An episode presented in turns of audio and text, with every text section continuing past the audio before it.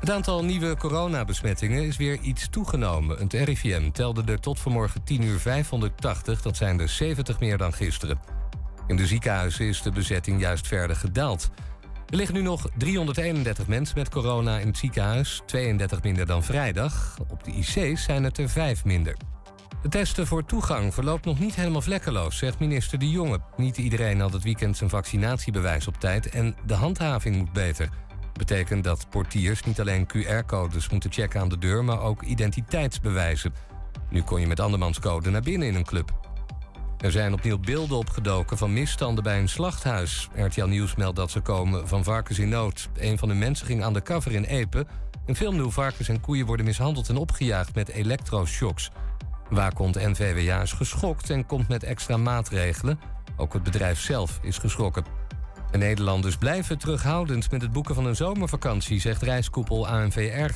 Veel mensen wachten op een digitaal reiscertificaat dat vanaf volgende maand beschikbaar is. Een kwart van de Nederlanders wil bovendien pas boeken als hun vakantiebestemming op groen staat. Het weer, regen- en onweersbuien met kans op hagel- en windstoten. Verder neemt de bewolking toe, de middagtemperatuur 20 tot 28 graden. En tot zover het ANP-nieuws. Kijk, als we gezond eten, houden we onze weerstand op peil. Dat is belangrijk, zeker in coronatijd. Gezonder eten is makkelijker dan je denkt. Ja, doe de switch. Ja, precies. Ik zet bijvoorbeeld een schaaltje tomaatjes op tafel. Zo heb ik altijd iets gezonds in de buurt voor mijn snacktrek. Want als je gezond eet en drinkt, werk je aan je weerstand. En zit je lekkerder in je vel? Doe ook de switch. Prima. Dus ga voor meer gezonde tips naar... Doe de switch.nl Thema beveiliging staat voor betrokkenheid, adequate optreden en betrouwbaarheid. Waar de concurrent stopt, gaat thema beveiliging net een stap verder. Thema Beveiliging levert alle vormen van beveiliging voor zowel de zakelijke als de particuliere markt. Thema Beveiliging, de beveiligingsorganisatie van het Oosten.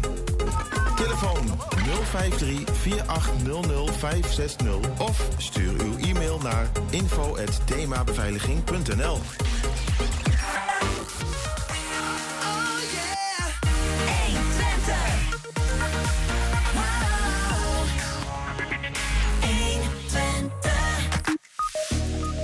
Enschede staat een felle discussie te wachten over windmolens en zonneparken. Ja, de clubs zijn weer open en dat hebben, ja, ik wou we zeggen, ze geweten ook in Enschede. FC Twente is eh, gestart aan de voorbereiding voor het nieuwe seizoen. En multitalent uit Enschede wint de voorronde van een landelijke talentenwedstrijd. Het is maandag 28 juni. Dit is 1 Twente vandaag.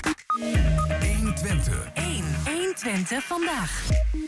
De injectie van afvalwater in de Twentse bodem is per direct onder verscherpte controle gesteld. Staatstoezicht op de mijnen die vindt namelijk dat uh, de NAM onvoldoende heeft gehandeld bij de gescheurde injectieput in Rossum. Wat er precies aan de hand is bespreken we zo meteen met RTVO's verslaggever Oscar Siep. Hij stortte zich vol op de zaak en maakte er een uitlegvideo over. Er leven serieuze zorgen over de veiligheid van mens en dier. Zorgen over een mogelijk toekomstige milieuramp van ongekende proporties. Ja, bij dit soort van technieken kan gewoon wat misgaan... en kan bijvoorbeeld het grondwater verontreinigd raken. Dit kan veel mensenlevens kosten en dit is in feite zwaar misdadig. In deze explainer nemen we je mee in de wereld van de mijnbouw. Wat gebeurt er in de diepe ondergrond van Twente?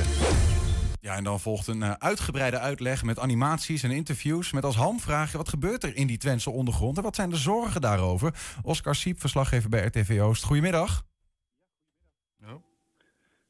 Goedemiddag. Goedemiddag. Ja. Hoor je mij? Ja, zeker. Op dit moment wordt er in die ondergrond, wat ik ervan begrijp, dus afvalwater gepompt door de NAM.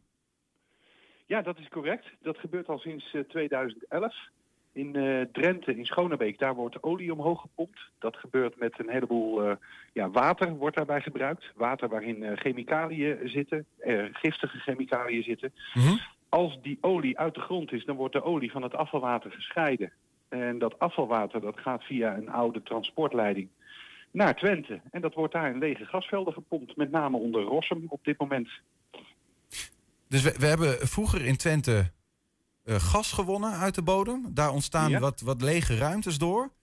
Tegelijkertijd ja, is, er, is er ook op plekken in Twente uh, olie eigenlijk uit de grond gehaald. Maar de, de, in dat proces komt weer afvalwater vrij. En dat wordt weer, nu weer in die lege gasvelden gepompt.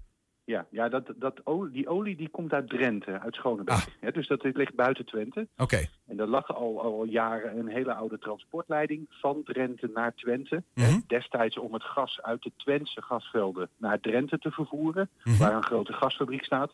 En nu wordt die transportleiding omgekeerd gebruikt. Dus vanuit Schonebeek komt het afvalwater naar Twente en dat wordt daar inderdaad in de lege gasvelden eh, weer teruggepompt. Nou is het begin dit jaar bekend geworden, eigenlijk de NAM die maakte dat zelf bekend, dat er een injectieput voor afvalwater in Rossum is gebroken. Gaat het dan over zo'n leiding die eigenlijk de grond ingaat naar die gasvelden toe, zeg maar? Ja, dat klopt. Dat klopt. Bovengronds zie je een paar pompen en wat, wat eh, en een installatie staan. En dan gaat er vanuit, eh, vanuit Rossum, zeg maar van boven het maaiveld, gaat een, een kilometer lange stalen buis. Die gaat een kilometer diep de grond in, naar dat gasveld. En, en die, die buis die is gebroken, die is gescheurd, afgescheurd. En dat, dat versterkt dan zorgen die eigenlijk er al leefden, ook voordat dit gebeurde. Ehm, welke zorgen zijn er eigenlijk hierover überhaupt al? Nou, er zijn vrij veel zorgen. En er wordt inderdaad ook al jaren over eh, voor gestreden om die afvalwaterinjectie te sluiten, zeg maar. Eh, ik geloof dat het, maar dat moet ik even uit mijn hoofd doen, 2012, 2013 was dat de stichting Stop Afvalwater Twente werd opgericht. Eh, een groep van bezorgde eh, inwoners van Rossum, Ootmarsum, Oldenzaal, hè, zeg maar het gebied boven dat gasveld wat nu gebruikt wordt voor dat afvalwater. En die mensen die zijn destijds handtekeningen gaan eh, eh, halen bij eh, andere bezorgde mensen. En die zijn op zo'n 30.000 handtekeningen uitgekomen. Ja. Dat, dat was toen, in 2011, 2012. Ja, inmiddels zijn we 9 à 10 jaar verder. En zijn er tal van problemen geconstateerd door de NAM zelf al. Een flink aantal van die injectieputten is inmiddels gesloten. Omdat ze het niet allemaal meer heel erg vertrouwden. En nu inderdaad begin dit jaar moest de NAM bekendmaken dat een van die putten in Rossum zelfs helemaal gescheurd en afgebroken is. Ja. Met alle mogelijke risico's van dien. Nou ja, want ik, ik kan me voorstellen, alleen al als je het hoort, afvalwater injecteren in de bodem. En dan gaat het echt om, nou ja, ehm, eh, allemaal namen die al, al eng klinken, zeg maar. Scheikundige types afval waar, waar ik het fijne niet van weet. Maar ik kan me daar. Maar wat is, wat, want dat voelt vervelend, maar is het dat ook echt? Is er ook een daadwerkelijk risico? Nou ja, dat is eh, de grote vraag nu. Eh, de NAM zegt zelf dat er geen risico's zijn. Eh, het staatstoezicht op de mijnen, hè, het controlerend orgaan van de overheid, die zegt dat de risico's inderdaad ook allemaal wel meevallen. Maar wij van RTV Oost hebben in de afgelopen jaren toch wel flink wat eh, critici of, of, of deskundigen gevonden en gesproken ook. eh, die binnen- en buitenland, die zeggen ja, je je bent gek als je zelfs maar overweegt om zoetwater in een dik zoutpakket te pompen. Hè? Want dat is waar het eigenlijk op neerkomt. Onder Twente, of in ieder geval onder dat deel van Twente, daar eh, waar het om gaat, in Rossum, Oldenzaal, daar ligt een dik zoutpakket op een kilometer diepte. Dat pa- zoutpakket is ongeveer 600 meter dik. En in dat zout zitten dan die gasreservoirs. Die oude lege gasvelden waar nu dat water in gepompt wordt. Ja. Ja, er hoeft maar een scheurtje in, in dat gasveld te zitten. Hè? Dat water dat lekt dan naar dat zout toe. Ja, en iedereen met een klein beetje scheikundige, natuurkundige kennis, die kan zich al wel bedenken. Als je daar zoet water in een zoutlaag pompt, dan gaat dat stromen. Zoet en zout, dat, verzorgt, dat zorgt voor stroming. Eh, stroming zorgt ervoor dat dat zout steeds verder oplost. En zo zou het best kunnen zijn dat daar een holle ruimte ontstaat, op een kilometer diepte. Eh, En die kennen we. Die kennen we Ja. uit Groningen. die kennen we uit Groningen inderdaad. Dat zou uiteindelijk kunnen leiden tot ja, de zorgen die er zijn. eh, die gaan dan over eh, aardbevingen, trillingen, eh sinkholes van ongekende proporties, gasexplosies. Of dat allemaal ook nou echt realistisch is om ons daar zorgen over te maken. Dat is nou het hele moeilijke van dit hele verhaal. We krijgen er geen vinger op. Die critici, die onafhankelijke deskundigen uit het buitenland ook, die zeggen dit is echt link. Maar staatstoezicht en de NAM die zeggen nee, dat valt allemaal reuze mee. Jullie hoeven hier geen zorgen te maken. Is, de, is dat overigens, eh, Oscar, ook... Want dat vroeg me even af. Als je, je, je, ze pompen eh, gewoon bij bedoeling afvalwater in die lege gasvelden. Nou scheurt er een leiding en dan is dat een probleem. Terwijl dan loopt daar ook gewoon afvalwater de grond in. Maar is het probleem dat het afvalwater bij zo'n scheur... op plekken in de grond komt waar je het niet wil hebben? Zeg maar nu... Bij die gasvelden is het, is het nog enigszins te overzien, maar bijvoorbeeld in zo'n zoutlaag is het niet te overzien. Nee, in die zoutlagen is inderdaad niet te overzien, maar vooral ook niet te controleren wat daar dan gebeurt precies. Ja. En, en ja, als je dat niet kunt controleren en niet kunt overzien, dan weet je dus ook niet welke risico's er eh, on- aan het ontstaan zijn. Mhm. Nou, eh, Staatstoezicht zegt nu ook van, eh, die, die, die vinden, hè, dus ze hebben de NAM onder verscherpt toezicht gesteld. Die zeggen ze, ze hebben eigenlijk onvoldoende gehandeld. Dat betekent, er is te weinig, te weinig onderzoek gedaan naar de oorzaak van die scheur in die leiding. Ehm, maar ook zeggen, zeggen ze hebben de scheur eigenlijk überhaupt te laat opgemerkt. Ja, precies. Want ehm, de, de Stichting Stop Afvalwater Twente, waar ik het eerder over had, die heeft een eh, aantal maanden geleden, dankzij de wet openbaarheid van bestuur, allerlei documenten opgevraagd. Eh, die gaan over de communicatie tussen het staatstoezicht en de NAM, tussen het staatstoezicht, de NAM en het ministerie van Economische Zaken. En als je al die mailtjes, brieven en documenten doorspit, dan kom je er eigenlijk achter dat de NAM eigenlijk in 2013 al een vermoeden had dat er iets aan de hand was met die lekke, die put die nu dus gescheurd blijkt te zijn. In 2015 hebben ze metingen gedaan en daar zagen ze, ja er is iets, maar we weten niet wat. En ze zijn doorgegaan met injecteren van dat afvalwater. En dat gaat dan echt om 3000 kubieke meter water per dag. Dus in al die jaren is er ontzettend veel water die grond ingepompt. Tot eh, ja, eind 2020, zeg maar. Toen is die afvalwaterinjectie bij die lekke put gestopt. En, de, en het staatstoezicht op de mijnen vindt dat de NAM daar veel te lang mee door is gegaan. eh, dat veel eerder had moeten ontdekken, had moeten melden, had Ja. moeten onderzoeken. En daarom is nu ook het Openbaar Ministerie op de hoogte gebracht door het staatstoezicht op de mijnen. Om te onderzoeken of er ook echt straf, strafbare feiten zijn eh, gepleegd. Want tegelijkertijd zegt het staatstoezicht, eh, wij zien niet per se een risico van zo'n lek. Wij, zien- wij zien geen aanwijzingen voor lekkage. Nee, Nee, nee. nee. En- dat is iets waarvan critici zeggen, ja, maar dat is ook heel moeilijk te zien. Dat zal, je, daar zal de tijd ons meer wijsheid over moeten verschaffen. Nou zou je denken, ehm, hè, als er een leiding eh, klapt ergens, eh, gooi er gauw een, eh, weet ik veel, gooi er iets omheen, sluit, het, sluit de boel af en dan ben je klaar. Dat is ook gedaan door de NAM, maar nu is daar weer gedoe over. Ja, dat hebben ze gedaan inderdaad. Maar dat hebben ze wel zo goed gedaan dat er niemand ooit nog bij die eh, oorspronkelijke lek, dat oorspronkelijke lekpunt kan komen. Ja, Ze hebben dat zo hermetisch afgesloten dat ook de NAM zelf nooit meer daar in de buurt kan komen. En dus kunnen we er nooit achter komen wat is daar nou precies gebeurd en wat is nou de schade die is ontstaan. En dat wordt ze wel kwalijk genomen. Ja, ja, dat, eh, ja, je wil bij niet speculeren, maar dan denk je ook weer dat daar een soort van strategische zet achter zit. Mijn gevoel, mijn gevoel bij, bij de NAM is niet veel beter sinds Groningen, maar eh, zo'n verhaal als dit maakt het er ook nog weer niet beter op. Hoe zit jij daarin als verslaggever? Ja, ik ben bang dat ik je daar wel een beetje gelijk in moet geven. Ik ken dat gevoel wel. Eh, eh, en, en, en het wordt er tot nu toe ook niet beter op. Eh, want de NAM, ja. Het is lastig. Het is, het is een, een, een moeilijke materie. Het gaat vooral natuurlijk om geld verdienen. Hè. Die, die oliewinning in Drenthe, dat, dat gaat om miljoenen euro's per jaar. Ja. En dat willen ze, ja, daar is een hoop geld in geïnvesteerd en dat willen ze gewoon kosten wat het kost proberen af te ronden. En ja, dat dan zeg maar problemen die onder, onderwijl eh, onderweg opduiken, dat je die een beetje probeert eh, kleiner te maken dan ze zijn. Ja, is niet goed te praten, Nee. maar ik begrijp de NAM daar wel. Zijn er, zijn er vergelijkbare putten tot slot die een beetje lijken op die put die nu gescheurd is? Jazeker. Eh de, het staatstoezicht, dat is nog een van de andere eh, conclusies die staatstoezicht heeft getrokken. Er is nog een andere put. Eh, We hebben die lekke put in ROW 2, die ligt aan de tramweg in Rossum. En daar vlakbij, 10 meter verder hooguit, ligt ROW 7. Dat is een andere injectieput. En daar zijn ook al een tijdje problemen. Want daar kan de NAM de meetapparatuur niet helemaal die de grond in krijgen om te kijken of die stalen buis bijvoorbeeld nog dik genoeg is. Die meetapparatuur die komt niet zo ver omdat er kennelijk ook deuken en vervormingen in die buis al zitten. Dus het staatstoezicht op de mijnen heeft nu gezegd, ook die andere put, ROW 7, die gaan we nu stoppen, sluiten. En we gaan eerst onderzoeken wat er aan de hand is voordat we daar weer verder afvalwater gaan injecteren. Ja, ja. Nou ja, goed om een beetje awareness in ieder geval eh, te creëren in, eh, in, in Twente en mogelijk ook in de rest van Nederland over dit hele verhaal. Je hebt er een, eh, een video over gemaakt waarin het totale verhaal wordt uitgelegd. Hè. Echt, nou ja, echt 18 minuten lang met animaties, interviews. Echt een goede uitlegvideo. Op de website van RTV Oost en YouTube kanaal is die te zien. Verslaggever Oscar Siep, dank voor de uitleg. Graag gedaan. Zometeen blikken we terug op de nederlaag van het Nederlands elftal gisteravond. En daarmee ook op ons eigen project 120 kleurt de horeca oranje. 120.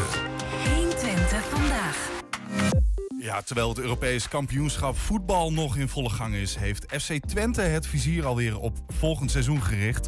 Zaterdag trapte de club eh, de voorbereiding officieel af met de eerste training. Voor een aantal nieuwe aanwinsten was het hun eerste groepstraining. Onder hen Giovanni Troupé, Virgil Misijan en Lars Oenerstal. Zijn overgang werd in maart al beklonken. Goedemorgen. Heerlijk. Eh, we hebben een poosje vakantie allemaal gehad en eh, nou ja, in ieder geval geen trainingen. En eh, ja, de groep is gretig en, eh, en de staf ook. Nu zei jij in het laatste interview dat we een beetje hadden voor de vakantie. Ze mogen me altijd storen. Heb je nog ook een beetje je rust gepakt? Eh, nou, ik heb best een, eh, een rustige vergadering eh, gehad, maar ik heb bijna elke dag wel contact met, eh, met Jan Strooijer gehad. Dus, dus dat, dat, er is nog wel wat aan, de, aan de selectie gedaan. Maar wel ja, dik oké. Ja, gisteren bleven de nieuwtjes zich eigenlijk opvolgen. Vlak voor het, de start nu van de voorbereiding. Het is een wat andere situatie dan vorig jaar, hè, toen jij begon. Toen zat je wat langer te wachten op nieuw, dit- is- vlees. Dit is sowieso een totaal ander jaar dan vorig jaar. Eh, vorig jaar zat je met eh, corona, eh, waar, was de competitie gestopt. mocht je een poos niet in groepen trainen. hebben we twee weken getraind met acht jeugdspelers. en, en, en de spelers die onder contract stonden. En toen een week vrij. En daarna zijn we eigenlijk echt begonnen. En elke week kwam er wel één of twee spelers bij. En nu zijn we al een stuk verder. Nog niet klaar, maar wel een stuk verder. Ik zei al, gisteren was het even eh, druk. Kun je eens een beetje zo de, de namen langsgaan eh, wat er de afgelopen weken is gebeurd? Ja, nou ja, van, van Wout, dat, eh, dat lag al lang, lang in de pijplijn. Dus, maar dat werd eventjes officieel gemaakt. Ja. Het Troepé is natuurlijk gekeurd en erbij gekomen. Ehm ehm, Tyrone Eboui. Nou, ik heb hem echt bedankt. Goede speler, goede prof, ehm eh, goede vent. Ehm, maar ja, dat, die, of die eh, zou blijven, was een groot vraagteken. Je had wel de hoop dat het zou lukken. Ja, maar we zijn nu heel tevreden dat we op die positie Ja. een eigen speler hebben die weer daaraan kan werken om weer. Hij heeft ooit in zijn eerste seizoen een enorm hoog niveau gehaald. En nou ja, daar gaan we aan werken. Eh, en vooral hij. Dus, ehm, dus dat is één. Ehm, we hadden al eerder eh Virtual uh, Mizitjan eh, natuurlijk. Nou, die Ja. heeft een uitstekende training eh, hier eh, neergezet. Ehm, Ja? Hoe bedoel je dat? We, eh, sprongen die er op een bepaalde manier uit. Ik vond hem ook in, in het druk zetten, bal veroveren, maar hoe die beweegt en, en eh, hoe die oefeningen uitvoert. Maar ook de momenten waarop hij zich aanbiedt. dat vond ik erg goed. Eh, dus dat is altijd, je kijkt toch met een. Nou, met extra interesse naar, eh, naar de nieuwe jongens. We hebben Luc Everink, eh, rechtsback, die, die vorig jaar uit de eigen opleiding eh, het hele seizoen eigenlijk geblesseerd is geweest. Nou, die kreeg in de voorbereiding echt zijn kans ja, om erbij te komen. En, ehm, dus dat is, dat is best spannend eh, voor hem. Ehm, en ehm, ja, Oegalde? Ja, Oegalde, maar Moet die, die moet zijn papierwerk eh, moet in orde zijn. Die, eh, daar moeten we nog even geduld mee hebben. Dus eh, dat is jammer. Ja. Maar het is niet anders. En, en, en Chenny en hebben ook verlengd. En dat is hartstikke... eh, Of verlengd. En die blijven. Hoewel met Chenny is het zo goed als rond. Ja. Dus misschien loop ik iets voor de Ja, van Vaar uit. vraag van verklap jij Ja, iets? Maar, eh, ehm, maar dat, dat is ook meer aan, aan, aan Jan Strooijen. Maar dat ziet Ja. er wel goed uit, heb ik ieder geval begrepen. Alleen ja, die jongens zullen voorlopig nog niet eh, op het veld staan. En daar hoopte je ook al op. eh, die Ja, voor dan? mij ook oud nieuws. Ja. Ja. Zoenerstal. Ehm nou, was ook al een poos bekend dat hij zou komen. Ehm deed het ook eh, eh, gewoon prima. Je eerste indruk. Ik weet dat het lastig is, want je bent er net, maar ja. Nee, natuurlijk. eh, ik ben, eh, was in de klederlokaal. Ziet altijd echt, echt prima uit. Ziet, ziet wel nieuw uit. Alles. Eh goede veld. Echt een lekker veld. Eh goede groep. Wel een, een, eh, weer een jonge groep. Ja. Maar ja, vind ik leuk om eh, met, met al die jongens te werken. En ehm, ja, ik heb echt de zin om met, met al die jonge jongens aan de slag te gaan. Wat zijn jouw verwachtingen hier? Maar verwachtingen natuurlijk. eh, ja, ik hoop dat we, we altijd een beetje beter staan dan, dan laatste seizoen. Dat we, dat we echt stapjes zetten. Een beetje omhoog. Dat, maar, dat we eh, ja, langzaam stapjes zetten van eh, jaar tot jaar even iets hoger komen. Dat zou wel lekker zijn en ja, met die groep steeds beter worden. Nu is het natuurlijk vaak zo dat ja, de keepers moeten het onderling uit gaan vechten in de voorbereiding. Nu is de nummer één keuze, basiskeeper, is weg. En andere jongens zijn wel wat jong. Ehm, wat zegt dat, denk jij, over jouw speelkansen? Over jouw basiskansen? Ik denk, de kans is hetzelfde. Eh, je moet wel presteren op de training. Je moet laten zien dat jij die nummer 1 wil zijn en bent. En als je dat laat zien, dan, ja, dan speel je ook. En als ik het niet doe, dan speel ik niet. En eh, dan, dan snap ik het ook wel. dus eh, ja, hard trainen en eh, gas geven. En dan denk ik dat ik dan ook speel. Als je kijkt naar waar jij nu staat in jouw loopbaan, de afgelopen jaren en nu, wat moet er dan, wat jou betreft, wel nu gebeuren voor jou? Je wil nog meer minuten maken. Ja. Het liefste wil ik, ik heb voor vier jaar getekend, het liefste wil ik vier jaar elke wedstrijd spelen. Ja. Dus daar zit je niet, niet alleen met bij. Daar heb je ook, ja, je, je mag geen eh, blessure krijgen en dit soort dingen. En ehm, ja, dat, dat wil ik graag. En ehm, ja, daar kijk ik naar uit om echt vier jaar hier nummer één te zijn. Ja, je hoorde Ron Jans en de nieuwe keeper Lars Oenerstal. Straks praat verslaggever Wilco Lauwers ons bij over welke felle discussie Enschede te wachten staat over windmolens en zonneparken. En heb jij nou een tip voor de redactie? Mail dan even naar info.120.nl en wie weet kom jij in dit prachtige programma. 120. 120 Ja, van een prachtig programma, Julian, Ja. naar een... ehm, Dat was ook een prachtig programma. Ja, nou ja, daar wil ik ook niks over zeggen. Maar toch wel een beetje waar het programma dan over ging.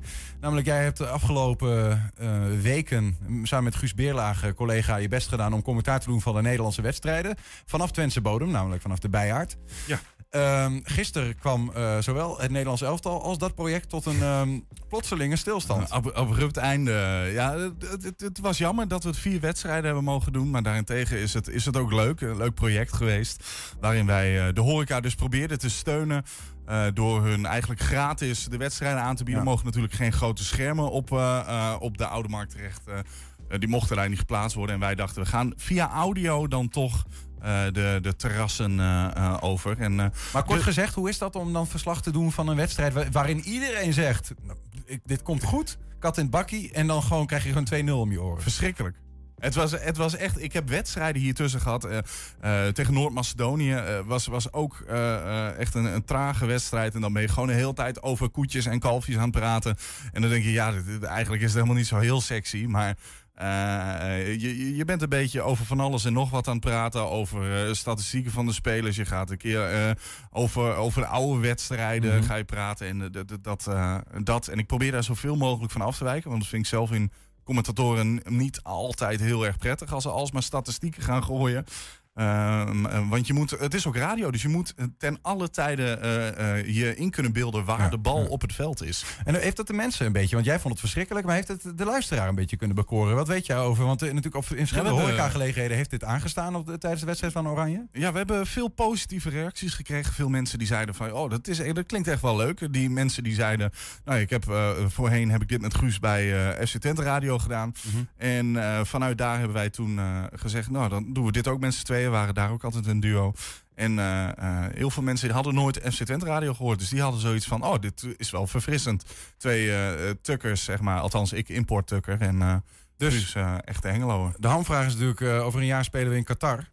Ja, ja ik, ik dus zelfs gisteravond nog. eh, toen we waren commentaar aan doen en toen is het scherm uitgevallen. En dat, dat, was, dat was pas even vervelend. Dat, dat gebeurt, eh, dat gebeurt, jij- gebeurt je ook. natuurlijk- ik, ik je word, ik werd gisteravond op- scherm? Ja, we- doen dat vanaf een scherm in de kroeg, in de bijaard. En ook mensen die gisteravond eh, gewoon tegen mij begonnen te praten, eh, tikken mij op de schouder. Ik zeg, oh sorry, ik ben bezig meneer. Maar dat, dat soort dingen maak je mee. Maar dat, dat, dat maakt het ook zo mooi. En dat heb je ook in het stadion. En dat, dat geeft het gevoel wel weer een beetje terug. Wat was de, Maar- de ernstigste verspreking die je hebt gehad? ik heb eh, eh, de Oekraïners eh, Russen genoemd. Eh, En eh, dat was, eh, daar heb ik mij later voor ja, verontschuldigd. Maar Ja. dat was, was niet zo heel simpel. En ik heb een keer gezegd, de scheidsrechter kijkt op zijn fluitje in plaats van op zijn klokje. Ja, Eh, goed, maar eh, dat, in the heat eh, of the moment moet dat ook... eh, ja, er zit zoveel emotie bij. Maar eh, is dit voor herhaling vatbaar, Qatar? Ik, eh, eh, van mijn part gaan we. eh, Nou ja, eigenlijk, ik hoop dat het niet voor herhaling vatbaar is. Want dat betekent dat de binnenstad gewoon weer open is en alles weer mag en kan. Maar eh, mocht het zo zijn, dan eh, kunnen wij de WK-winst in Qatar ook wel even becommentariëren. Nou, wie weet. In ieder geval eh, ter afsluiting van dit eh, project dan nog één keer. Het Disclaimer, eh, hij het is wel een beetje negatief. Ja, het is ook een beetje pijnlijk, maar we moeten er door. Nederland-Tsjechië. Waar de bal nu inmiddels het veld in is gebracht en uiteindelijk de bal naar voren geschoten wordt. En Nederland de bal direct weer kan veroveren. Eerste eh, corner van deze wedstrijd. En dan kijken of wij hier iets van kunnen maken. Kan er dan iemand bij? Oh, en dan is het die bal die daar net voor langs kan. Kan hij er dan nog in? Nee, dat lukt dan net niet. En dan eh, is het daar toch de kans van Matthijs Ligt. En bijna de 1 tegen 0. Maar oh, weer eindelijk een kans. Eindelijk eh, die kans voor het Nederlands elftal. Waar Malen misschien meer uit kunnen halen. En zo hebben wij dus 31 minuten op de klok. En hopen dat het nu weer spannend gaat worden. 12 minuten officiële speeltijd gaan in de eerste van deze achtste finale. En de tussenstand tussen Nederland en Tsjechië is nog altijd 0 tegen 0. En dan zal de scheidsrechter waarschijnlijk na dit fluitsignaal gaan fluiten. En dat hij dus ook. En zo hebben wij de eerste helft gehad. Staat het nog steeds 0 tegen 0. We gaan of verlengen of naar penalties toe. Maar eh, eh, het- deze wedstrijd kan op alle kanten opvangen. Nederland heeft afgetrapt in de tweede helft. Laten we hopen dat het nu eh, spannend gaat worden. En dan is het bijna 1 tegen 0. Want de keeper Vatsliet, die eh, redt de bal daar heel goed. En was het een mooie actie van Donjel Malen.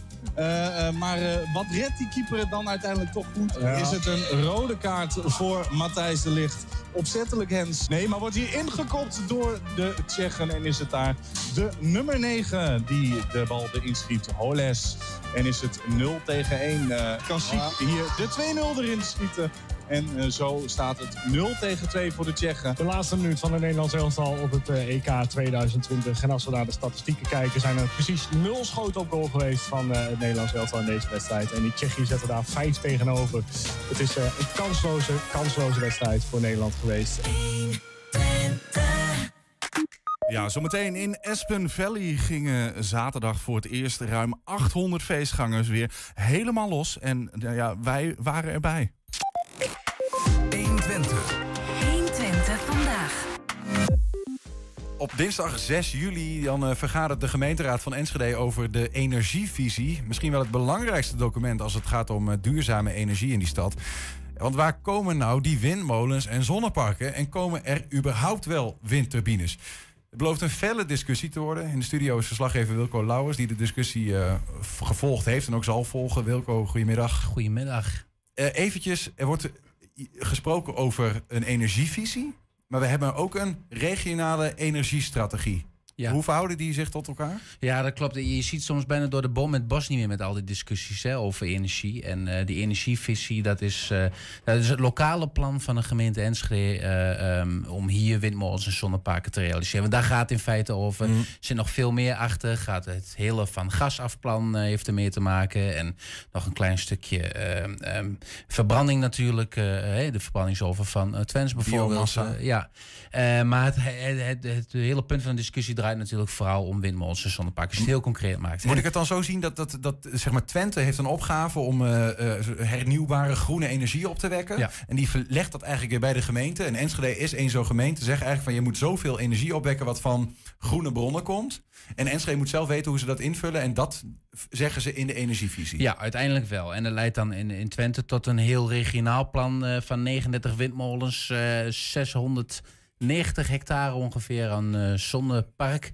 En nog eh, een kleine 400 op daken. Ja, waarvan ze dus niet weten waar die windmolens dus gaan komen. Nee, nee want het staat niet eh, vast hoeveel er waar gaan komen. Want dat is ook dus een hele discussie geweest hè? In, in, in de RES, zoals dat heet, de RES Twente. Dat Rijsselhalte heeft gezegd, ja, we, we gaan helemaal geen windmolens op dit moment ontwikkelen. En Enschede heeft al een stop op windmolens gezet. Ja. En Noord-Oost-Twente, die hebben hun bod verlaagd. Ja, ik vind dat het toch bijzonder dat je dan als regio zegt... we gaan zoveel windmolens leveren... maar de gemeenten die trekken zich eh, zelf terug. Ja. die moeten ergens komen. Dus straks zit Hengelo met alle windmolens, bij wijze van. Omdat er moeten negen windmolens komen. Ja, ja, ja, alleen zal het op grondgebied van Hengelo heel lastig gaan... omdat er niet heel veel ruimte is. Dus eh, ja, nee, die, die moeten ergens komen. En dat zal uiteindelijk, ben ik toch eh, bang... of nou ja, eh, bang... eh, er zal toch in Noordoost-Twente of in rond de buurt van Rijsselholte... eh, als er te weinig zijn, zullen daar toch wel echt die zoekgebieden gaan komen. Want dan gaat op een gegeven moment de provincie of het Rijk zeggen... wij grijpen in. Gaan ze ingrijpen. Maar ja, zoals het nu is, kunnen de gemeenten daar nog zelf iets over zeggen. Ja. En zeg bijvoorbeeld, dus ook Enschede, ze noemen het al, een tijdelijke stop. En dat ging dan geloof ik over gezondheidsrisico's door ehm, eh, geluid hè, van die windmolens. ja ja, dat is eigenlijk eh, bij deze energievisie, die, eh, daar was al vier jaar aan werken, want die had al heel lang eh, moeten zijn overigens. Maar ehm, hebben ze onlangs eh, eh, gepresenteerd. En daarin staat, ja, we leggen toch voorlopig even een stop op op windmolens. Zo moet je het eigenlijk zien, in afwachting van eh, zo'n onderzoek naar eh, gezondheidseffecten. Mhm. Nou ja, dat kan er zomaar toe leiden, dat onderzoek, eh, eh, als dat er over eh, een jaar of, of langer is. Ehm, ja, en stel je voor, dat de, de, de, daaruit blijkt dat er niet eh, eh, grote gezondheidseffecten te verwachten zijn. Tegen de tijd dat er dan windmolens in een procedure komen voor vergunningen, ben je al zoveel verder dat, ja. dat, dat je nu eigenlijk al kunt afvragen of je die, eh, jouw eigen aanbod in dat Twentse plan wel gaat halen. Boze tongen beweren dat dit strategieën zijn van nou ja, politici die eigenlijk gewoon linksom of rechtsom geen windmolens willen. En die ja, redenen opvoeren om te zeggen van nou, misschien is dat een probleem of dat is. Zetten we het nog even op de lange baan. Ehm, dat kunnen we alleen maar gissen uiteindelijk. Maar er is nu nog een. Ja, een, er komt binnenkort een motie aan. Dat een soort van nieuwe truc uit de trucendoos is, hè? Ja, ja, nou ja, zo, zo, zo wordt dat denk ik wel gezien. Eh, eh, twee coalitiepartijen, namelijk VVD en Burgerbelangen. Dat zijn natuurlijk niet de partijen die ehm, ehm, nou, ja, de grootste voorstanders van windmolens zijn, laten we het zo zeggen. Die gaan volgende week een, een amendement uh, heet het, uh, indienen. En daarin stellen ze voor om hoogtebeperkingen op te leggen op windmolens. En dan die hoogtebeperking is dan 150 meter. Je moet je voorstellen dat de meeste windmolens die nu worden gebouwd 230 uh, meter uh, te hoogte zijn. Ja, en nou ja, dat kan toch? Want de NSG wil nog steeds inzetten op geloof ik drie windmolens langs de N18.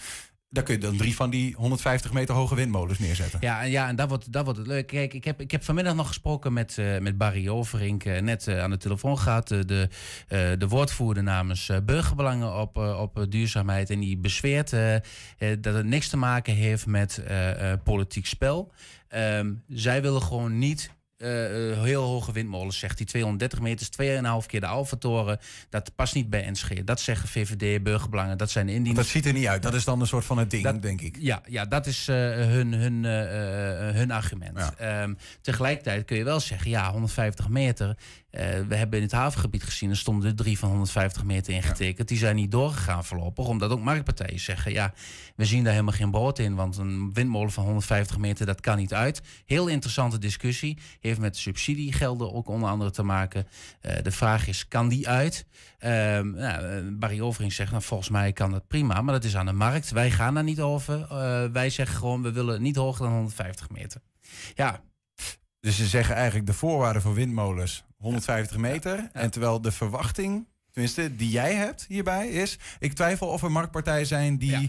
daarmee in zee gaan... want ja. het is niet rendabel. Nou, niet rendabel. Ja, de rendabel is denk ik niet helemaal het goede woord. Ik denk, uh, de marktpartijen hebben ook een, een winstmarge. Hè, en dat heeft onder meer met subsidiegelden te maken. Voor die grote windmolens krijg je wat meer subsidie... dan voor die kleinere windmolens. Um, en ik denk dat de business case voor zo'n marktpartij uh, veel aantrekkelijker is om een hele grote windmolen neer te zetten van 230 meter dan die van 150 meter. Ja. Dat zit wat minder rendement op, dat klopt. Ja, stel nou even dat we, dat we uh, aannemen dat daar inderdaad weinig animo voor is vanuit de markt. Um, en die voorwaarde komt er wel. Dus Enschede zegt windmolens prima, maar alleen 150 meter. Um, dan zeggen ze daarmee dus per saldo, uh, we komen geen windmolens in onze stad hoeveel gedraagvlak is daarvoor, denk je? Want je noemt al, uh, burgerbelangen VVD gaan ja, hier mogelijk ja, in meestemmen. Ja, Zijn er nog meer partijen? Want dat is al, dat is al bijna een meerderheid in de Enschede Raad, toch? Nee, ze hebben dan nog negen zetels nodig. Negen zetels. En, uh, je hebt wat kleinere partijen op rechts, bijvoorbeeld PVV, DPE en uh, Erin Versteeg. Dan heb je nog Enschede Anders, die zal meegaan. En CDA heeft dan met die laatste vier zetels de beslissende stem. En ik Um, verwacht eerlijk gezegd dat CDA uiteindelijk hier ook wel in meegaat. Want die is eigenlijk helemaal niet voor windmolens. Mm -hmm. um, dus, dus die zullen mogelijk wel hier gaan instemmen. En dan krijgt dit zomaar een meerderheid. En dat is wel heel opvallend, want deze coalitie heeft natuurlijk heel grote, ambitieuze uh, duurzaamheidsplannen gehad uh, bij het aanstellen. Hè. Er zouden drie zoekgebieden komen voor windmolens. Zouden er in eerste instantie zes komen. En uh, D66, toch een beetje de, de partij die dat, die dat geluid samen met Groen GroenLinks eh, toch wel aanvoert. Eh, die hebben gezegd, ja, maar als het halverwege uh, er naar uitziet dat dat niet gaat lukken, dan moeten we nog sneller gaan. En ondertussen, vier jaar later, is er niks gebeurd. En dreigt er uh, gewoon nog een beperking op te komen. Nog een verdere beperking. Dus dit wordt een heel interessante discussie volgende week. Ik verwacht tussen die coalitiepartijen echt wel een, een, een clash. En wat ik zelf ook wel interessant vind, is die dubbele pet van de verantwoordelijk wethouder voor dit uh, hele verhaal. Dat is Niels van den Berg. Aan de ene kant als wethouder verantwoordelijk om dat uh, coalitieprogramma uit te voeren. Hè, die, die ambitieuze agenda. En aan de andere kant is hij eh, de lijsttrekker geweest van, en is hij een burgerbelangenman die zeggen wij willen geen windmolens. Ja, ja dat is dualisme, hè, zou je ook kunnen zeggen. De wethouder heeft een andere pet op dan, uh, dan het raadslid. Als wethouder verdedigt hij het collegebeleid en zou die eigenlijk moeten verdedigen dat, um, dat de windmolens worden neergezet. Um, de, hij wil niet zeggen dat hij dat nu niet doet. Hij heeft er wel een stop op gezet. Dat is ook een collegebesluit. Dus um, er is nou een stop op gezet. Aan de andere kant zijn eigen partij in de gemeenteraad, die wil liefst uh, ja. eigenlijk als ze de keuze hebben, uh, geen windmolens. Dus als burgerbelangenman heeft hij ja. gewonnen, wordt hij thuis uh, met gejuich onthaald. Maar in het college heeft hij eigenlijk uh, gefaald. Als wethouder. Dat is, dat is uiteindelijk aan de raad. Ja, heeft hij gefaald? Um, dit is, het is, ja, ze hebben hun doelen niet gehaald, in ieder geval. Dus ja, ja dat, daarin kun je zeggen, ja, dat is niet gelukt, het is gefaald. Dat is een van de dingen die op de agenda staat. Interessante discussie rondom die windmolens. Zijn er nog andere dingen waar we op moeten gaan letten de komende tijd? Ja, de zonneparken blijft toch ook wel een discussiepunt. Hè? Het gaat heel veel over windmolens, omdat daar uh, het draagvlak toch in de, in de samenleving wat lager voor lijkt. Um, maar zonneparken, zeker bij mensen die in het buitengebied wonen, heeft dat echt, echt geen voorkeur. Omdat dat hele grote stukken landbouwgrond vaak. Hè, nou heeft NSG wel een lijstje gemaakt met wat minder belangrijke landbouwgronden zijn, daar zou dan die zonneparken op moeten komen. Maar uh, omwonenden die kijken niet graag tegen een veld uh, van uh, 15 of 20 hectare aan. Of nog meer zoals in, in Broekheurne, waar nou die discussie heel erg speelt. Dus ook daarover zijn nog, zijn nog wel wat robbertjes te vechten, denk ik zo. ja, het is een beetje altijd een NIMBY-effect, hè? not in my backyard. Ja. liefst eerst op de daken. dan kijken we een keer naar wat veldjes uh, liefst. En anders als het echt moet, iets grotere velden in het buitengebied. En als laatste de, de windmolens. Ja, en tot die tijd zoveel mogelijk uh, uitschuiven en hopen dat die er bobbel, alternatieven uh, komen. Ja, die bobbel vooruitschuiven. Want het is Ja. de afgelopen vier jaar wel gebeurd. Ja. Wilco Lauwers, dank voor de uitleg en succes met het volgen van de zaak. Dankjewel. Straks een fietstocht met een missie. 120. 120 vandaag. Ja, eindelijk mocht, eh, mocht het weer. En dat hebben ze geweten ook. De discotheek in Enschede zaten bomvol zaterdagnacht. Alleen al 800 mensen bezochten discotheek Aspen Valley. En RTV Oost was erbij. Het meest gemist gewoon de, de vrouwtje weer mag, een beetje mag aaien, maar gewoon het, het drankje doen met vrienden zijn, met, met elkaar zijn, dan stop, dan stop, dan stop.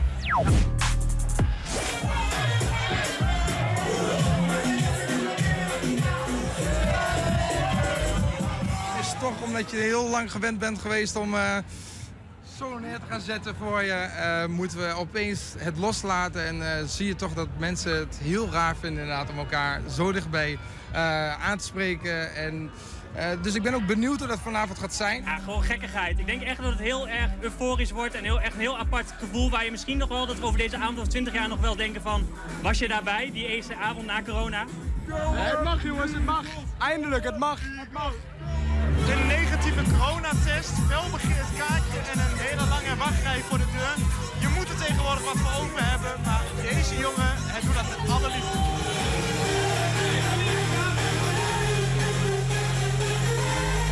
Heerlijk! Zo lang op gewacht! Echt, eindelijk weer! Eindelijk! Waar geniet je het meest van? Overal, maakt niet uit. Ik hou niet van deze muziek, maar het maakt me helemaal niks uit. Bizar! Gewoon na anderhalf jaar eindelijk weer uit. Gewoon. Ik was vandaag bij die test, ik kon gewoon huilen. Gewoon zo'n raar gevoel, gewoon niet normaal. Echt heel onwijs leuk. Ja, echt lekker.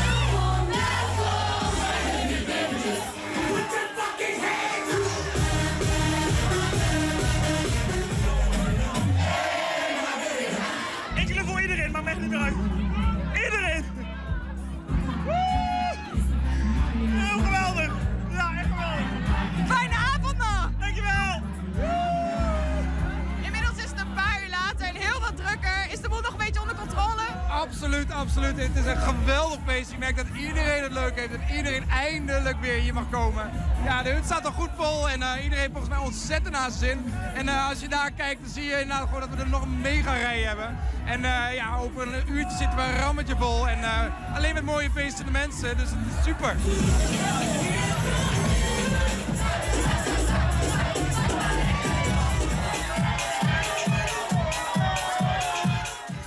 Keer dat ik het zo laat heb gemaakt is ook anderhalf jaar geleden. Dus ik ben heel benieuwd, maar waarschijnlijk met alle energie die dus vanavond los gaat komen, denk ik wel dat het goed gaat komen. Gewoon een beetje lekker dansen, lekker ouwehoeren, lekker gewoon gek doen. Gewoon, je zit, je bent wel bij elkaar, maar je zit meestal gewoon en nu kun je gewoon weer lekker dansen, lekker gek doen. Gewoon, eh, ja, ik weet, gewoon lekker weer uitgaan, echt geweest. Ah, dit is eh, een euforisch gevoel wat je hebt.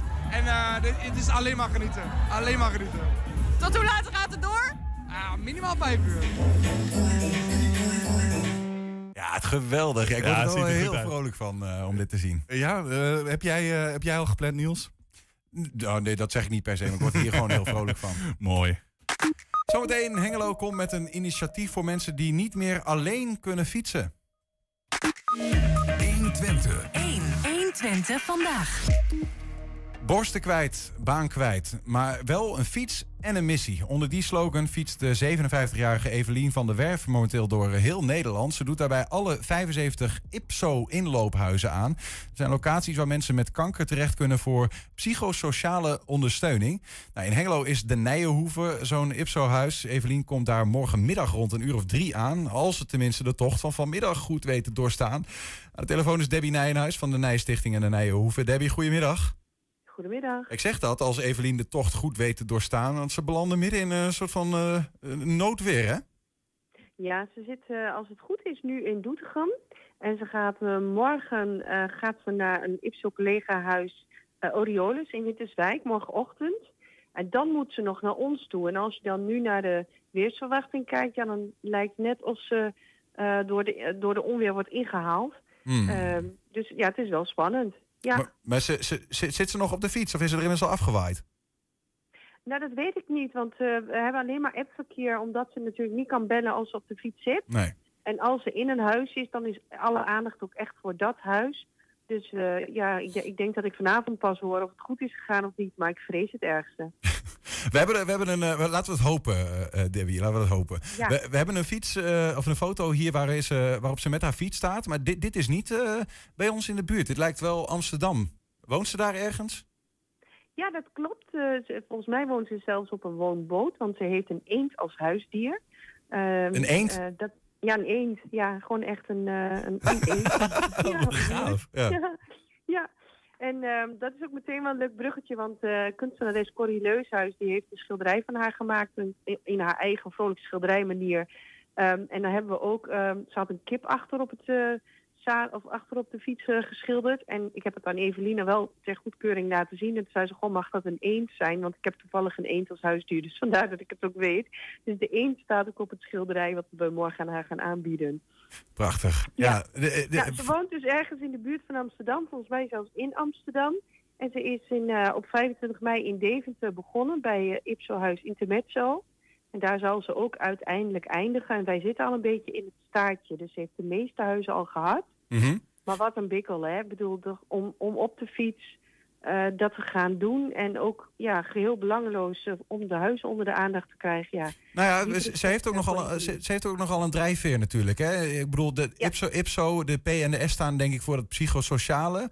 Ehm, dat is, is, jullie hebben zeg maar, jullie doen een soort van eh, alle zorg die niet medisch op het lichaam is, maar alles eromheen. Begrijp ik dat een beetje goed?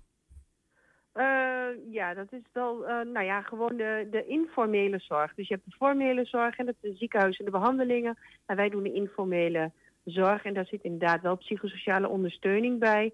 Maar dat gaat wel zoveel verder dan alleen eh, de mooie gesprekken. Want je kan ook yoga bij kanker zijn. We zijn voor het hele gezin. Kanker heb je niet alleen, kanker heb je samen. En ehm, ja, alles wat je nodig hebt om ja, je plekje weer terug te krijgen in de maatschappij. Of als het helaas eh, niet te behandelen is, Ja. ook dan kunnen mensen bij de, de huizenondersteuning vinden. En de, de drijfveer die Evelien heeft, die, die haalt ze om zeg maar, die tocht te maken, waarvan je zegt het is echt een bikkel, en dat is ook zo. Ja. Die, die Ja. haalt ze helaas ook uit haar eigen leven. Hè? Ja, dat klopt. Maar om maar even een voorbeeld te geven. Ik eh, was ook twee borsten kwijt en eh, de baan kwijt. Maar ik ga echt geen 74 huizen door heel Nederland fietsen. Dus Ja, ja. dat ze dit doet, ze had natuurlijk juist alle reden om het niet te doen. En, en ze doet het toch. Dus ja, dat wil ik echt wel in het zonnetje zetten. Ik begreep overigens dat ze, want je zegt al even de baan kwijt. eh, zij heeft door de coronatijd eigenlijk twee bijzonder radicale keuzes gemaakt. Ze is gestopt als stewardess bij de KLM en ze heeft een boek geschreven. Ja, want de baan kwijt, dat impliceert nu dat het door kanker is, maar dat is helemaal niet Ja. zo. Ze is al eh, volgens mij iets van 34 jaar stewardess bij de KLM geweest. En daar zijn natuurlijk door de, door de corona minder vluchten geweest. Dus ik ga ervan uit, maar ik heb haar daar nog niet zelf over gesproken, dat ze gewoon wegbezuinigd is. Of misschien zelf wel heeft gedacht, dan is het nu een mooi moment. Want ik heb nog zoveel collega's die de baan nog heel hard nodig hebben.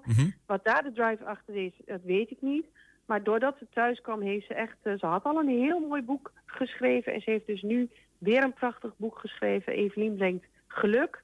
En dat is ook dus wat ze bij ons gaat doen. Ze gaat letterlijk eh, eh, een stukje geluk brengen. Elk huis brengt ze ook het boek wat ze geschreven heeft. Haar eerste boek was eh, Routeplannen door de jungle van kanker.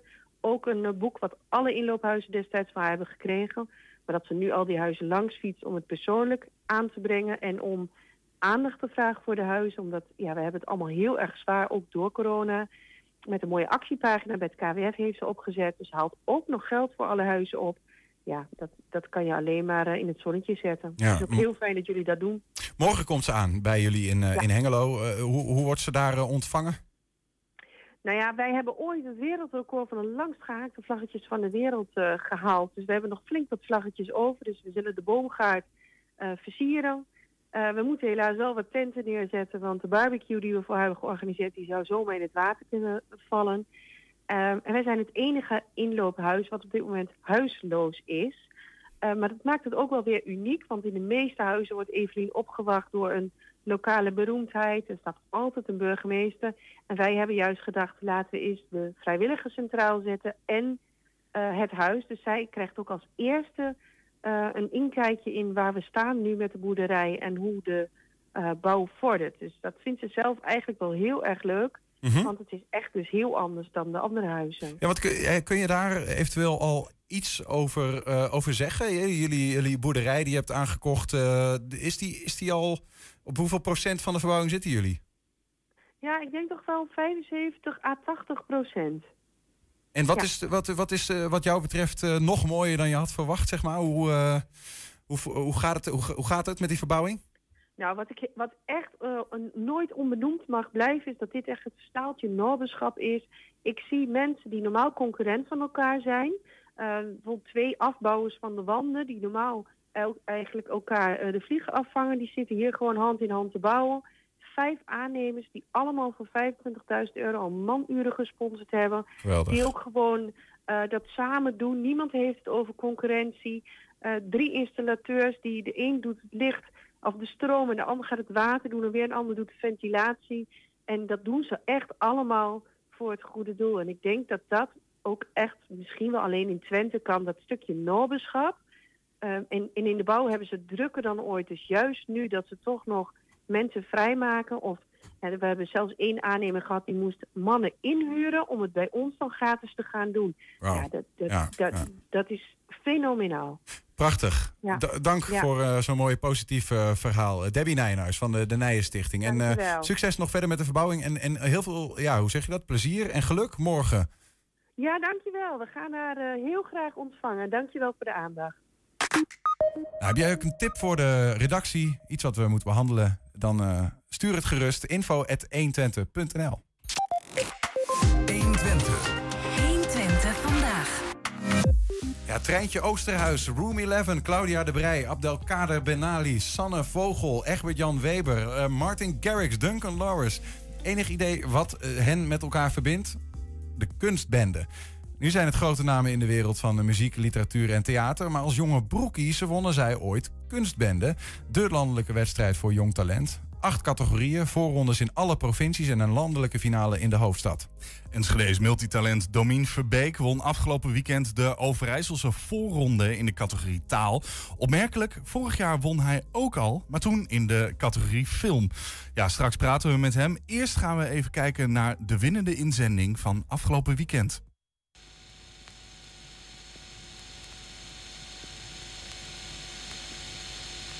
I'm sorry. But I don't want to be a- an emperor. That's not my business. I don't want to rule or conquer anyone. I should like to help everyone if possible. Hoe hij wist. Meer dan ooit. Zelfs meer nog dan voorheen. Hoe hij dacht. Alwetend. Ooit nog meer dan nu. Hoe hij keek. Nu onbegrensd. Later voorbij daar. Hoe hij schreef. Geruststellend dacht. Hij was toch pas 16 jaar.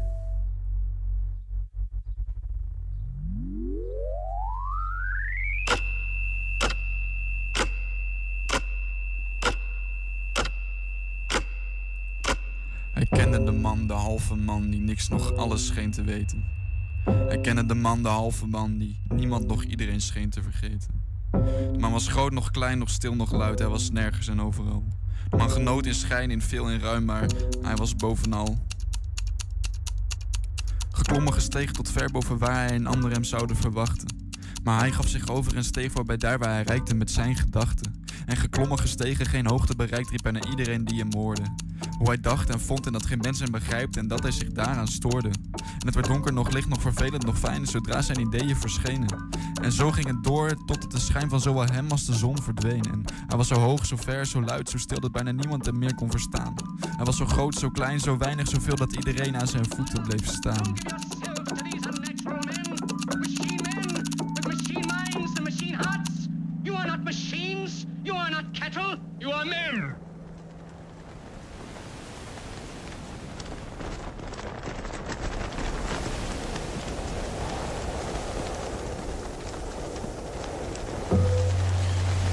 Maar zijn woorden verstoorden balans.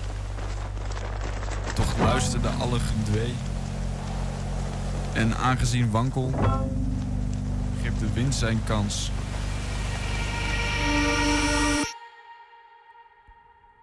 En zo spleet de man in twee. In the name of democracy, let us all unite.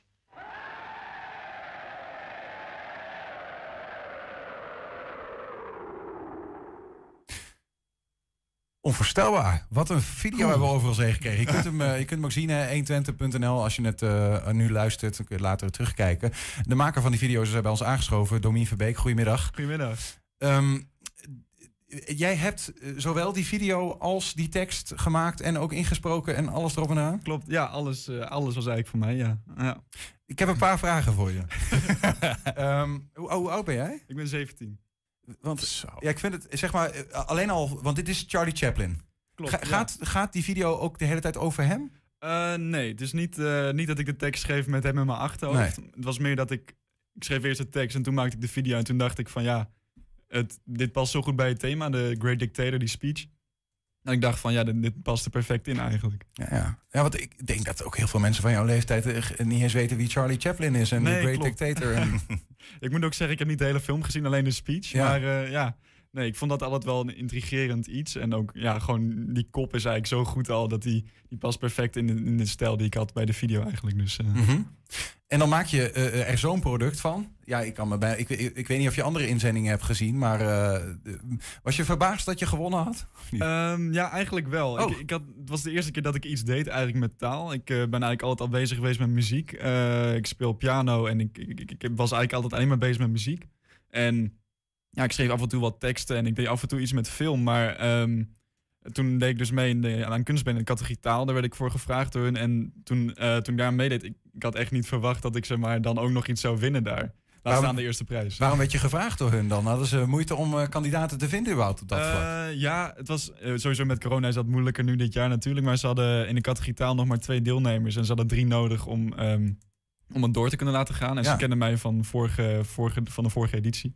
En ze wisten dat ik dingen met taal deed al. Want dat had ik voor de vorige editie had ik in onze film de tekst geschreven. Mhm. Dus daarom vroegen ze mij toen. eh, Maar heb je jezelf eh, dan heb je jezelf ook verbaasd met dit product? Dat je Ehm, dacht van, nou ja, dit, dit is toch. Ja, op zich. eh, ja, het is moeilijk om te zeggen dat je iets van jezelf heel bijzonder vindt best. natuurlijk. Maar ja, de reacties die erop kregen, ze hebben me zeker wel verbaasd die ik erop kreeg. En ehm, ja, dat, dat het zo, zo in de smaak valt, dat had ik eigenlijk niet verwacht. Nee. Wat vond je het moeilijkste aan het maken van deze video? Be- ben je ook vastgelopen, zeg maar? Ehm, nee, eigenlijk is het zo met de meeste dingen die ik maak, is dat ik al zeg maar twee maanden in mijn hoofd rondloop met een idee en dat dat steeds meer vormt en dat ik dan op een gegeven moment begin met schrijven, dat ik dan in een half uur het op papier heb staan. Ehm, ja, waar ik nog wel een beetje vastliep was het technische met, met, de, met de video in elkaar monteren.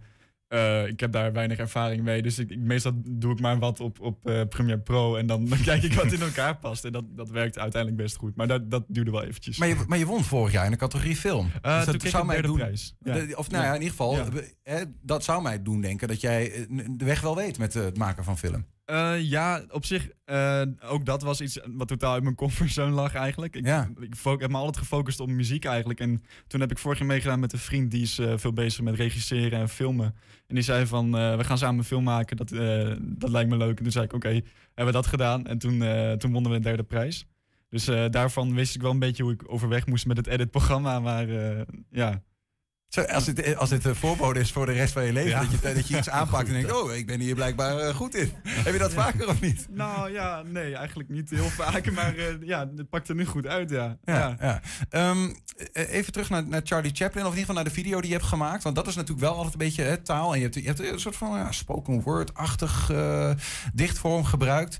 Is ook soms voor sommige mensen wat ehm, lastig om daar goed vat op te krijgen. Hè? Wat, wat, als je nou in één soort van één of twee zinnen zou moeten vertellen van wat probeer je hier nou eigenlijk te vertellen? Ja, dat is al- altijd moeilijk. natuurlijk Met kunst is natuurlijk het mooiste als iemand ernaar kijkt dat hij zijn eigen verhaal erbij bedenkt. Ja, Dus maar als je- hoeft als je niet, dit- hè? Als je zegt van laat het maar voor de kijker. Ja, of... Ik kan wel. eh, het zijn eigenlijk twee gedichten. De eerste gaat meer over mezelf, is een soort zelfreflectie. En eh, de, de tweede gedicht gaat meer over hoe ik naar andere mensen kijk. En ja, het thema wat daar een beetje in terugkomt, dat heet de halve man, is, het is hoogmoed. Dus eh, hoe je eh, voor je gevoel erg groot kan zijn als persoon, maar zo klein kan lijken voor andere mensen. En hoe je door heel veel grote woorden te gebruiken die niks zeggen, eh, heel klein kan overkomen. En dat uiteindelijk kan leiden tot een, tot een val. En eh, waardoor je in tweeën splijt. Is dat eh, waarom je niet durft te zeggen dat je, dat je jezelf zo nu? Nee. ja. Het Ja. kan overigens ook andersom zijn, hè? Dat mensen zichzelf heel eh, klein achten terwijl ze door anderen groot worden gezien. Dat kan ook, ja. Ja, Ja. dat is waar. Ja. ja. Ehm, je hebt die video gemaakt. Je, je, je wint de eh, voorronde in Overijssel. Nou ga je naar een landelijke finale. Ja. Wat staat je nou, eh, wanneer is dat en wat moet je daar nog, eh, moet Dus, je daar weer een eh, nieuw product voor maken? Nee, nee, dus hetzelfde gedeelte. In 2 oktober in Amsterdam is de finale. En dan eh, mag ik ditzelfde ding voordragen. Ik kon er bij de voorronde helaas niet bij zijn. Ik heb net een operatie achter de rug, dus ik kon niet er zelf bij zijn. Ehm, dus toen hebben ze deze video vertoond. Maar wat eigenlijk de bedoeling is, is dat je je eigen gedicht voordraagt. Dus 2 oktober ga ik dan eh, naar Amsterdam. En dan eh, op, de, op de achtergrond worden deze visuals vertoond met de achtergrondgeluid. En dan draag ik het zelf voor. Ja. Is dat, brengt dat nog een stuk extra spanning? Ben je een beetje een performer? Of, want dit is natuurlijk ook comfortzone als je het gewoon Ja, op kunt nemen. Op zich, ehm, ik, denk dat het, ik denk dat ik het wel heel spannend ga vinden. Want ik, ik heb wel veel opgetreden, maar eigenlijk alleen met muziek. En dan kan je best wel goed verschuilen achter de, de noten, zeg maar. Dat is, je hebt nog iets ertussen, zeg maar. Maar als je echt moet voordragen, dat is echt wel... Ik gaat wel het is wel veel puurder of zo. Want dit moet je ook timen, denk ik toch? Want er zit Ja. dus een bepaalde mate van muziek met een metrum achter waar je in je woorden in meegaat. Klopt. Ja, ik heb er wel wat trucjes voor toegepast in het achtergrondgeluid. eh, bepaalde klikjes, dat ik weet eh, als die zo vaak is geklikt, dan, dan, dan moet ik met dit stukje beginnen, zeg maar. Mhm. Dus in die zin is het, ik heb er wel al na, over nagedacht. Het is niet dat ik daar straks sta en dat ik dan op de helft van mijn gedicht ben, dat het video is alles afgelopen. Dus dat scheelt. En zo'n kunstbende, zo'n wedstrijd is natuurlijk. het- ik bedoel, het is leuk als je die voorronde wint. En eh, als je misschien zelfs iets eh, echt een prijs kunt vastpakken of whatever. Maar het is ook een aanmoediging, denk ik, voor makers. Ik bedoel, je, je verbaast jezelf blijkbaar eh, in de categorie film, maar ook in de categorie taal. Ehm, zeg je van, dit, dit moedigt mij aan om, om daar meer mee te doen? Wat, zijn jouw plannen eigenlijk op die gebieden? Ehm, ja, ik wil zeker doorgaan blijven gaan met creatief, creatieve dingen maken. Ehm, ik heb eigenlijk nooit ambitie gehad om, om dichter te worden of om, om, om eh, regisseur te worden of wat dan ook. Ik, ik heb altijd eh, dingen gedaan met muziek en dat lijkt me wel mooi om daar later nog mee door te gaan. Maar ik, nu, voor nu doe ik eigenlijk gewoon wat ik vet vind, wat ik leuk vind om te maken. En ehm, ja, ik, ik hoop dat ik daar later mee door kan gaan. Ik ga volgend jaar naar Utrecht. Eh, ik ga filosofie studeren aan de universiteit, maar tegelijkertijd ook wil ik eh, vanaf het tweede jaar naar een conservatoriumles gaan volgen. En eh, ja, ik hoop zeker nog bezig te blijven zijn met creatieve dingen. Wat, wat doe jij liever? Gewoon muziek maken of dit maken? Waar wil je het liefst beroemd mee worden? Ehm, Als je ja. keuze moet maken. Als je al Ehm, beroemd wil worden. Hè? Ja, dat is ook zo. Ik, ja, dat vind ik een moeilijke vraag. Ik, ik ben eigenlijk altijd mee bezig geweest met muziek en dat is wel mijn mijn grootste passie. Ehm, alleen, ik heb ook vaak het gevoel alsof ik niet helemaal kies wanneer ik wat maak. Het is gewoon, wanneer ik inspiratie heb voor iets, dan maak ik het. En als- of dat nou muziek is of taal, dat, dat, dat, dat wisselt zich af. Meestal is het muziek, maar in dit geval was het taal. Je noemt al filosofie ook. Jouw vader is ook een filosoof. We hebben hem hier wel eens aan tafel gehad. Eh, eh, aan ja. de UT doet hij dingen eh, over techniek en filosofie. Ehm, ik, ik neem aan dat je ook een beetje geïnspireerd bent geraakt dan ook door wat je vader doet. Ja, ja. Eh, wel. Heel veel mensen denk ik hebben niet eens een idee wat, wat dat eigenlijk inhoudt. Wat, wat, wat brengt jou erbij om filosofie te gaan studeren? Ehm, ja, inderdaad. Ik denk dat ik wel geïnspireerd ben geraakt door de gesprekken aan de keukentafel. Die, eh, die zijn toch wat anders als je vader al daarmee bezig is. Ehm, en ik Vraagt denk- hij dan de hele tijd waarom? Waarom? Eh, Waarom? Of wat, hoe nou, gaat dat? Meestal, eh, in het begin was hij het, maar we hebben dat wel overgenomen. Dus nu zijn wij het meestal die dat vragen. eh, waarom? Nee, maar inderdaad, het, het, die, die manier van denken en, en kijken naar de wereld en schrijven, dat spreekt mij heel erg aan om dat te gaan leren. En dan eigenlijk helemaal niet op het gebied waar mijn vader dat doet. De, de techniek, dat, ja, dat vind ik ook interessant, maar minder interessant. Ik, ik heb meer belangstelling dan voor de politiek.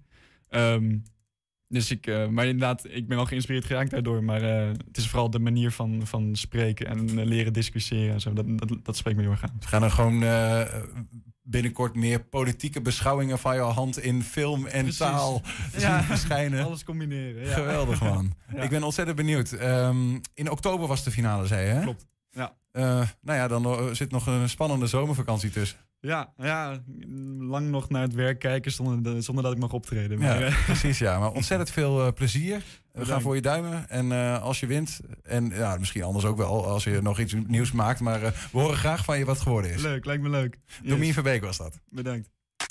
Ja, en tot zover 120 vandaag. Terugkijken, dat kan direct via 120.nl. En vanavond om 8 en 10 uur ook op televisie te zien. Zometeen hier Henk Ketting met een gloednieuwe kettingreactie. Wij zeggen in ieder geval... Tot morgen. 120. Weet wat er speelt in Twente. Met nu het nieuws van 4 uur. Goedemiddag, ik ben Bas van Halderen. Het aantal nieuwe coronabesmettingen is weer iets toegenomen. Het RIVM telde er tot vanmorgen 10 uur 580, dat zijn er 70 meer dan gisteren. In de ziekenhuizen is de bezetting juist verder gedaald. Er liggen nu nog